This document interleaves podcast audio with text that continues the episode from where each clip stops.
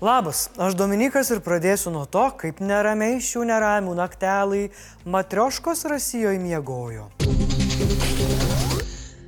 Ramus miegas po truputį dinksta ne tik pas ukrainiečius. Buvo apšaudytas Belgorodas. Sužeisti keturi žmonės. Pasak srities gubernatoriaus, tai jau antras apšaudimas per dvi dienas. Kodėl rusai apšaudo patį save? Neramu ir kitur. Krasnodaro krašte užsidegė Afipskio naftos perdirbimo gamykla. Akivaizdu, neatsargiai rūkoma. Net matyti, kaip atskrenda nuorūka ir nepanašu, kad neramumai pasibaigs. Laisvė Rusijai dalinys ketina ir toliau renkti reidus Rusijos pasienyje, kol jų pajėgos bus pakankamai didelės, kad galėtų pulti Maskvą. Legionas pradėjo bepiločių orlaivių pilotų verbavimo kampaniją. Kažkaip jaučiu, kad greitų metų Rusijos dangus ir vėl nušvis įvairių spalvų, duok dievai vorykštės ir dydžių nuorūkomis. Bet neramu ir dėl situacijos Zaporižios atominėje elektrinėje. Jos darbuotojai spėjo, kad avarija elektrinėje gali turėti pasiekmių visam pasauliui. Labiausiai paveiktų Rusiją, didžiąją dalį Europos ir viduržėmio jūros pakrantę. Vienas jų sakė, kad tai būtų daug, daug blogiau nei Fukushima ir blogiau nei Černobilis.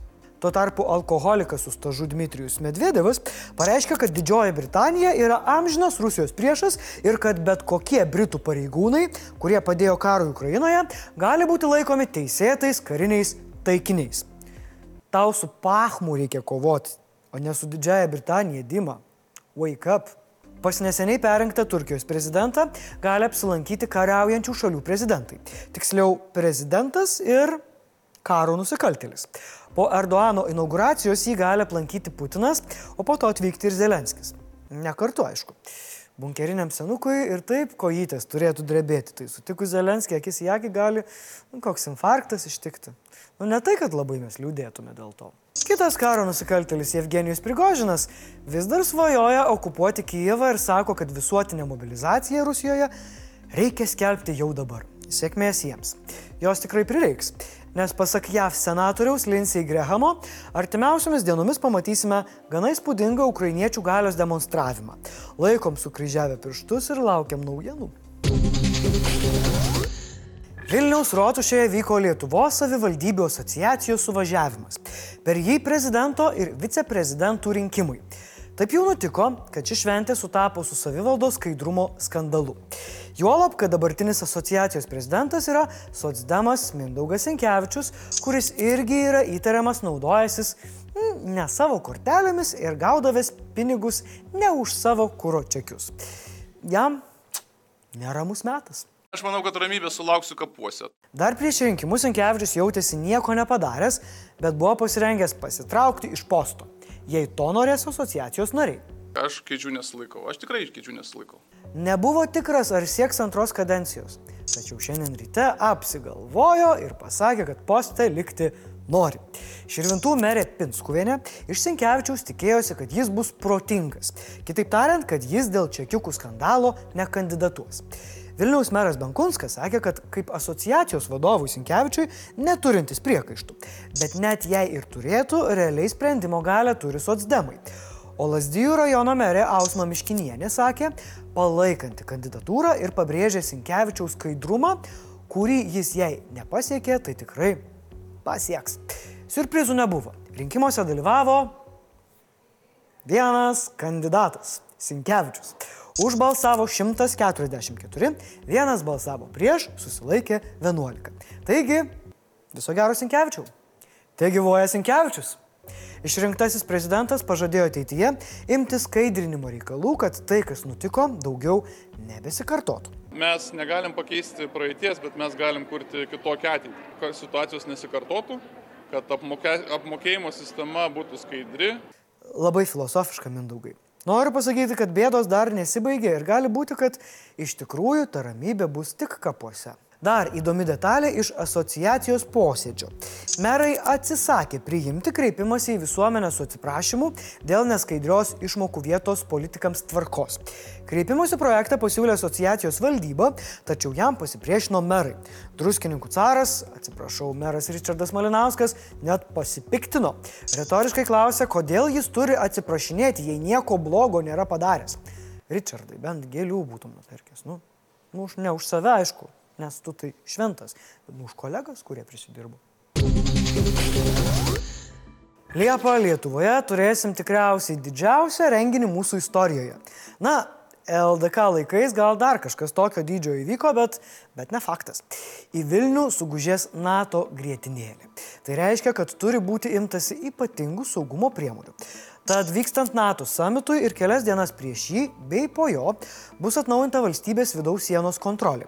Patikrinimus planuojama atnaujinti nuo Liepos 7 dienos 8 val. iki Liepos 13 dienos 8 val. Vidaus reikalų ministrė Agne Bilotaitė sako, kad Noriu pažymėti, kad tai neturėtų sukelti kažkokių tai na, didelių nepatogumų mūsų žmonėms, nes tikrai mūsų pareigūnai ruošiasi. Kontrolė apims patikros vietas Lietuvos pasienyje su Latvija ir Lenkija, taip pat kontrolės punktus keliaujant per oro ir jūrų uostų Šengeno vidaus reisais. Anot valstybės sienos apsaugos tarnybos vado Liubajevo, transporto priemonės bus stabdomos atsitiktinai, kai keleivis ar transporto priemonė atitiks tam tikrus kriterijus. Tuo tarpu ES išorės sienos su Baltarusija ir Rusija kontroliai papildomai bus pasitelkiama Lietuvos kariuomenė, Šauliai, taip pat Estijos, Moldovos pasieniečiai ir papildomos Europos sienų ir pakrančių apsaugos agentūros Frontex pajėgos. Kodėl? Aišku, šiandien neteisėtų migrantų srautai prie mūsų sienos su Baltarusija sumažėjo, e, tačiau galima tikėtis, kad e, Lukašenkos režimas ir jo parankiniai pabandys e, panaudoti tą ginklą prieš mūsų, organizuojant neteisėtų migrantų išstumimą į, į mūsų teritoriją arba prieš renginį, arba jo metu. Informacija dar nėra patvirtinta ir tikimės, kad tokių nesąmonių pavyks išvengti. Bet žinant kaimininių diktatorių šlikštumą ir baimę dėl artėjančio alijansų susitikimo, iš jų galim tikėtis bet ko. Blitz naujienos, o Masiulio dėžutė. Eligijus Masiulio advokatas sako, kad tirdami galimą korupciją 2016 metais STT į jo ginamojo automobilį, kuriame rado alkoholio dėžutėje paslėptus 90 tūkstančių eurų, pateko anksčiau nei gavo tam teismo leidimą.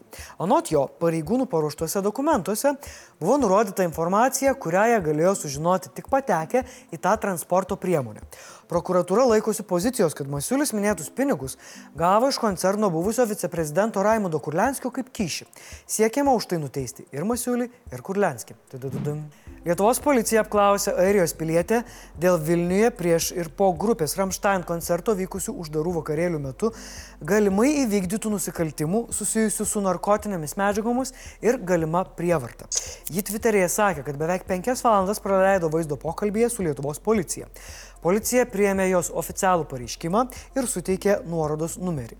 Ar bus apklausiami grupės nariai paaiškės po to, kai pareigūnai nuspręs, ar pradėti tyrimą. Daugiau apie įvykį žiūrėkite šio pirmadienio žiniuose. Generalinė prokurorė Nida Grunskienė nusprendė atnaujinti iki teisminį tyrimą dėl Vilniaus arkiviskupijos kanclerio Kestučio palikšos įtariamų seksualinių nusikaltimų prieš tuo metu nepilnamečių buvusi vaikiną. Grunskienė pritarė iki teisminio tyrimo medžiagos patikrinimo išvadai, kad dalis aplinkybių, kurios yra reikšmingos nusikalstamai veikai kvalifikuoti, nebuvo tinkamai ištirtos. Taip pat šio iki teisminio tyrimo metu nepašalinti tam tikri procesų dalyvių parodymų prieštaravimai. Tyrimas atnaujintas po to, kai Delfi paskelbė 19-mečio liudijimą, kad su palikša palaikė intimius santykius, kai jam te buvo 15 metų. Vyriausybė pritarė siūlymui antrąjį pusmetį pratesti valstybės kompensacijas būtiniams vartotojams už gamtinės dujas bei panaikinti subsidijas už elektrą. Nekompensuojant, dujų tarifas tiekėjos Ignitis klientams nuo Liepos didėtų daugiau kaip 40 procentų. Kompensacija siektų 63 centus už kubinį metrą vietoj dabartinių 9,9 centų. Mūsų šalis ruošiasi NATO samitui, o jūs, kaip jūs reaguojat? Ar jūs esate iš tų, kur burčijat, kad bus nepatogus gyvenimas Lietuvoje, ar iš tų, kurie džiaugiasi ir sako, va, pas mus, va, tiek didžių e, moterų ir vyrų suvažiuoja? Kaip ruošiatės? O šiaip tai e, ne apie jūs kalbant, o apie šuniukus, tai šis šuniukas yra puikus įrodymas, ką reiškia nepasiduoti, net jei pirmą kartą nepavyko.